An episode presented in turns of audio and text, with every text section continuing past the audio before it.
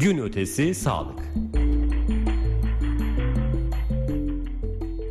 Üsküdar Üniversitesi Tıp Fakültesi Dahili Tıp Bilimleri Bölüm Başkanı ve Tıbbi Farmakoloji Anabilim Dalı Başkanı Profesör Doktor Tayfun Uzbay hocamız bizlerle birlikte. Değerli hocam iyi akşamlar, hoş geldiniz gün ötesine. İyi akşamlar Muhammed Bey, hoş bulduk. Çok teşekkür ediyoruz. Ee, şimdi ikinci doz aşılamalar başladı. Dün bilim kurulu toplantısı vardı. Ardından Sağlık Bakanı Fahrettin Koca'nın önemli açıklamaları vardı. Ee, şimdi geçtiğimiz aylarda sizin kaleme aldığınız bir yazıda salgını bitirmek istiyorsak toplumun en az yüzde yetmişini etkili bir aşıyla buluşturmamız lazım. Aşı ne kadar çok insana ulaşırsa salgın o kadar hızlı ve etkili şekilde kontrol altına alınır ve zaman içinde yok olur Burada e, ülkelerin aşılama programlarının akılcı olması, yeterli dozun üretilerek insanlarla buluşturulması ve toplumun da aşı faaliyetine destek vermesi gereklidir diyorsunuz. E, şimdi bu üç maddeden, bu üç noktadan hareketle e, programımızı yürütmek istiyoruz değerli hocam. Evet. E, şimdi temel iki tane amaç var aslında aşılarda. Biri aşının e, ölümleri önlemesi, e, ikincisi toplumsal yaşamın e, sürdürülebilmesi için o gerekli olan hizmetlerin devam devamlılığının sağlanması. Bu sizin evet. bahsettiğiniz birinci noktadan bakacak olursak aşılama programlarının akılcı olması yani rasyonel olması e, güncel olarak da aşılı şey e, virüsün mutasyona uğradığını e, göz önünde bulundurursak vaka sayılarının da artmaya başladığını göz önünde bulundurursak e, bu akılcılık ve ülkemizde yer alan aşılama programını nasıl değerlendiriyorsunuz değerli hocam? Şimdi siz de gayet güzel özetlediniz aslında bütün stratejiyi. E, aşılama e, hasta olmayan kişiyi, sağlam kişiyi koruma stratejisidir ve böyle bu tür salgınlarda en etkili, en güçlü e, yoldur e, salgınları önlemek veya ortadan kaldırmak için. Şimdi dünya olarak bir yıl içinde yaklaşık bir yıl bu pandeminin ortaya çıkışı bir yıl gibi kısa bir süre içerisinde birçok aşı hazır oldu. Şimdi bu bardağın dolu tarafı ve güzel tarafı ve bu aşıların faz 1, faz 2 ve bir miktar da dar, dar kapsamlı da olsa faz 3 dediğimiz çalışmalarda insanlarda oldukça etkili olduğu, koruyucu özelliklerinin olacağı ayrı ayrı gösterildi. Elimizde bunlara işaret eden veriler var. Bunlar bizi umutlandırıyor. Şimdi bardağın boş tarafında da şu var üretim, şimdi dünyanın nüfusu 8,5 milyar bir taraftan çok e, kalabalık bir dünyada yaşıyoruz. Bundan bir önceki 100 yıl önceki pandemide dünya nüfusu bundan çok daha azdı. Yani aşağı yukarı 2 milyar civarında bir dünya nüfusu vardı. Şu anda 8,5 milyar dünya nüfusundan bahsediyoruz. Hem nüfus fazla şu anda hem de e, maalesef bu kapitalist sistem ve bilimin biraz ticarileşmesi bu biraz sonra belki ondan da ilgili soru soracaksınız. İnsanlarda aşı tereddütüne de yol açan önemli bir etken bu. E, Dünya Sağlık Örgütü ne kadar bastırsa da işte bazı ülkeler çok fazla sipariş veriyorlar. Hatta Kanada gibi e, nüfusunun çok üzerinde sipariş veren ülkeler var. Öbür taraftan yoksul ülkelere e, bunun ulaştırılmasıyla ilgili de sıkıntılar var.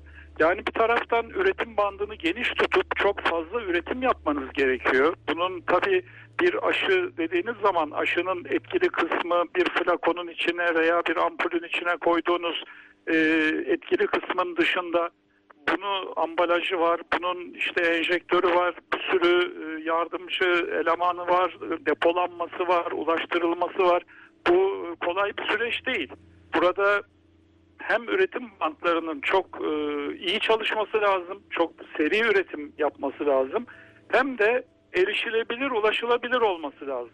Şimdi dünya e, maalesef e, şu ana kadar e, çok iyi bir sınav verdi diyemeyiz genelinde.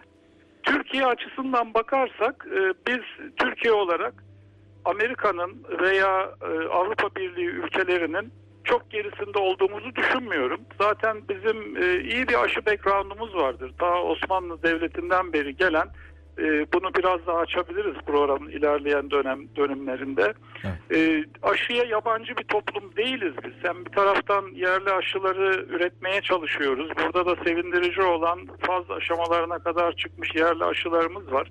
Öbür taraftan da ee, daha öncesinden e, bu Sinovac şirketi dediğimiz e, Çin'deki uluslararası şirketle görüşüp buraya gerekli siparişlerimizi de verdik. İşte birinci doz aşılar sağlık personeline yapıldı. Ben de yaptırdım birinci doz aşımı. Şimdi ikinci dozlarımız başlıyor bizim. Ondan sonra yaşlı popülasyona geçtik. İşte kronik hastalığı olan veya sıkıntılı olan veya daha yaşlı popülasyonlara geçtik. Bu şekilde bir program dahilinde ilerliyoruz. Türkiye aşı programlarına da alışıktır. Bir- Birçok aşılama programıyla birçok önemli hastalıkların kökünü de kurutmuştur. Ee, Bizim e, dünyadan çok daha geri durumda veya e, bu aşıyı keşfeden veya e, yeni aşılar geliştiren başka ülkelerden çok daha geri durumda değiliz. Ancak yeterli midir? Daha hızlı olmalı mıdır? Evet daha hızlı olmalıdır. Elimizi ne kadar çabuk tutsak o kadar iyi. Ama burada hız kısıtlayıcı faktör üretim bantları. Bunların işte getirilmesi, depolanması ve dağıtımı da bayağı ciddi bir süreçtir.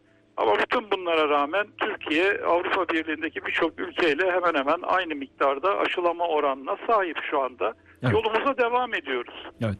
Ee, şimdi bahsettiğiniz ikinci nokta değerli hocam biraz önce okuduğum cümleden hareketle yeterli dozun üretilerek insanlarla buluşturulması ki biraz önce kısmen de olsa bahsettiniz. Piyasaya Evet. sürülmüş aşılardan birçoğunun e, küresel çapta erişilebilir hale gelmesiyle ilgili çok ciddi soru işaretleri var. Örneğin e, Kanada, Yeni Zelanda, Avustralya e, buradaki her bir bireye yaklaşık e, 4 doz aşı yapmaya yetecek miktarda doz satın alındığını görüyoruz ve e, düşük gelirli ülkeler pandemiye karşı daha savunmasız kalıyor. Soruyu şöyle soracağım. Salgının seyri açısından bu tür e, küresel dağıtım eşitsizliğinin e, muhtemel sonuçları ne olur değerli hocam? Şimdi Muhammed Bey zaten e, bu pandemi birçok şeyi sorgulanır hale getirdi zaten. Bu bizim gözümüzün önünde bir tarih yazılıyor şu anda. Dünya bir soğuk savaş dönemi geçirdi biliyorsunuz. İşte Sovyetler Birliği dağıldı. Tek kutuplu e, kapitalist bir sisteme geçiş yaptık. Bu kapitalist sistem bir parça liberalizmle de inceltilmeye çalışıldı. Ama geldiğimiz nokta vahşi kapitalizm dediğimiz e, çok ticarileşen, işte bilimin çok ticarileştiği, idealistlik yerine e, işte parayı veren düdüğü çaldığı e, e, başka bir deyişle bir e, sisteme doğru evrildi ve dünya bunu tartışıyor şu anda. Ciddi şekilde sosyal bilimler alanından sosyologlar tartışıyor, ekonomistler bunu tartışıyor ve önümüzdeki dönemde sanırım e, sağlık hizmetlerini ticarileşmenin dışına taşıyabilecek ve sosyal devlet kavramını çünkü biliyorsunuz insan hakları evrensel beyannamesi var. İnsan hakları evrensel beyannamesine de birçok ülkenin imzası var. Yani e, bu çok gerçek bir durum ve orada e, yazılan en önemli şeylerden bir tanesi, en önemli maddelerden bir tanesi insanların sağlığa erişme özgürlükleri ve eşitlikleri. Evet. Herkesin sağlık hizmeti alma hakkı var dünyada. Hele böyle bir öldürücü pandemide e, Afrika'daki yoksul bir kişiyle e, Avustralya'daki ya da Kanada'daki bir kişinin hayatının değerinin eşit olacağını önceleyen bir sistemin ortaya çıkması gerekiyor. Böyle bir sistem ortaya çıkmazsa dünya nüfusu oldukça kalabalık, e, elinde gücü tutan, elinde parası olan ben işte bu salgında parayı verdim, şu kadar doz aşı aldım diyerek de bir dünyadaki huzursuzluk artacaktır, bu sorgulanacaktır. Bir de şuradan bakalım. Amerika Birleşik Devletleri'nde ve Avrupa'nın birçok ülkesinde sokak olayları oldu bu pandemi sırasında. Doğru. Bunun altında yatan ana neden insanların uğradığı hayal kırıklığıydı. Yani bu ülkelerde yaşıyordu insanlar. Belli bir hayat standartları vardı.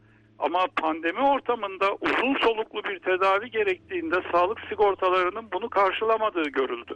Ve insanlar burada can derdine düştüler. Bu ciddi bir stresi tetikledi ve birçok olay ortaya çıktı biliyorsunuz. Ya bunu e, ciddi bir huzursuzluğa bir kere neden olacaktır bu eğer e, çözülmezse. Evet. E, ikincisi başka bir e, sakıncası daha var. Şimdi Kanada 4 misli alıyor, Avustralya 4 misli alıyor. Diyelim bütün vatandaşlarını aşıladı, öbürlerini de yedeğe koydu. Ama dünyanın başka yerleri buna ulaşamıyor. Ne yapacak? Kanada kendi içine mi kapanacak? Bazı ülkelerle hiçbir ilişki kurmayacak mı? Ya da sadece aşılanan ülkeler birbirleriyle mi irtibat kuracaklar? Bu da e, son derece hem sakıncalı hem de bugün küreselleşen ekonominin içerisinde çok da kolay e, uygulanabilecek bir yol değil. Yani bu ülkeler bu kadar açgözlü davranmak yerine biraz daha ben hani demişim ya Türkiye'de yüzde yetmişe çıkmamız lazım. Evet, İşte dünyada da siz yüzde yetmişe çıkamazsanız yüzde altmışını yetmişini insanların aşılayamazsanız siz pandeminin bitmesini beklemek zorunda kalırsınız bir şekilde. Doğru. Ee, dolayısıyla benim şöyle bir düşüncem var. Sağlığın ticarileşmesinin önüne geçen ve toplum sağlığının, insan sağlığını dünyanın her yerinde mümkün mertebe, mümkün mertebe eşitlemeye çalışan sosyal bir sağlık sistemine ekonomik e, ölçüler içerisinde çözüm yaratılabilirse zannediyorum böyle bir formülü üreten Nobel ödülünü alır. Ayrıca da bu e, yeni bir e, dönemin başlangıcı olur. Yani Olur. kapitalizmin başka bir e, forma evrildiği.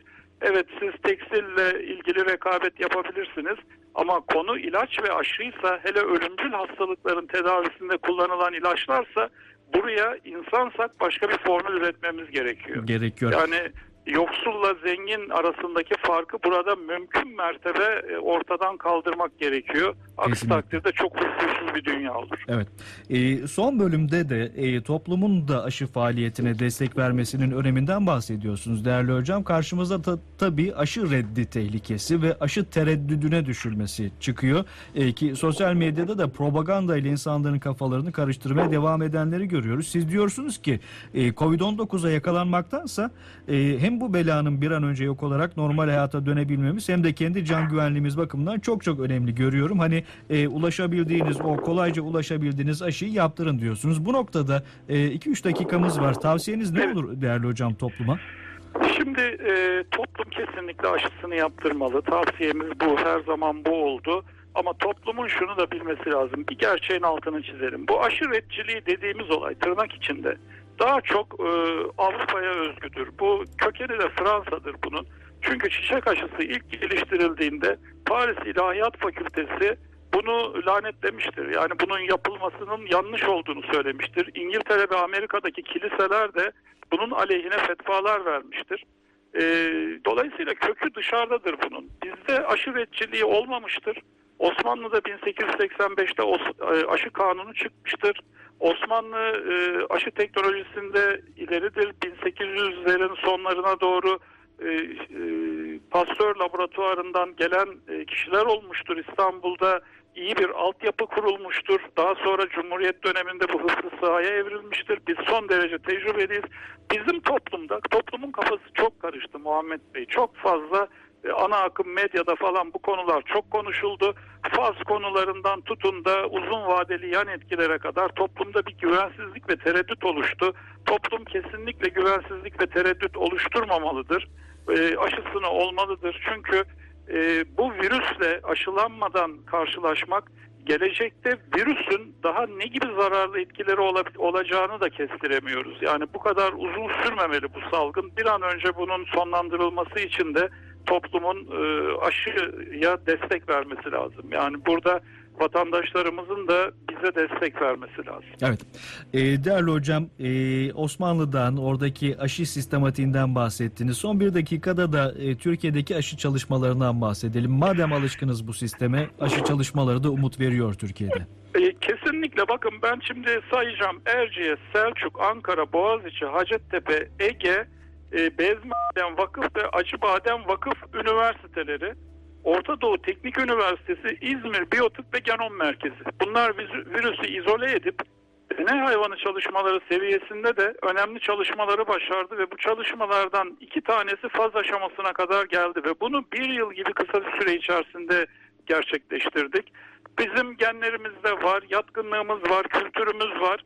Ee, biz bu kültür içerisinde aşıyı da e, üretiriz, buluruz. Hatta bunların içinde çok yaratıcı aşı projeleri var bu bunların içerisinde.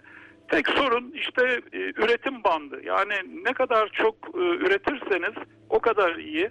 Bu üretimle ilgili sorunlar da ortadan kalkarsa Türkiye'nin gelecekte de ciddi bir aşı sorunu olacağını ben düşünmüyorum. Evet. Çok teşekkür ediyoruz değerli hocam vakit ayırdığınız için. Kolay gelsin. iyi akşamlar. Ben teşekkür ederim efendim. İyi yayınlar diliyorum ve izleyicilerimize de sağlıklı günler diliyorum. Çok teşekkür ediyoruz.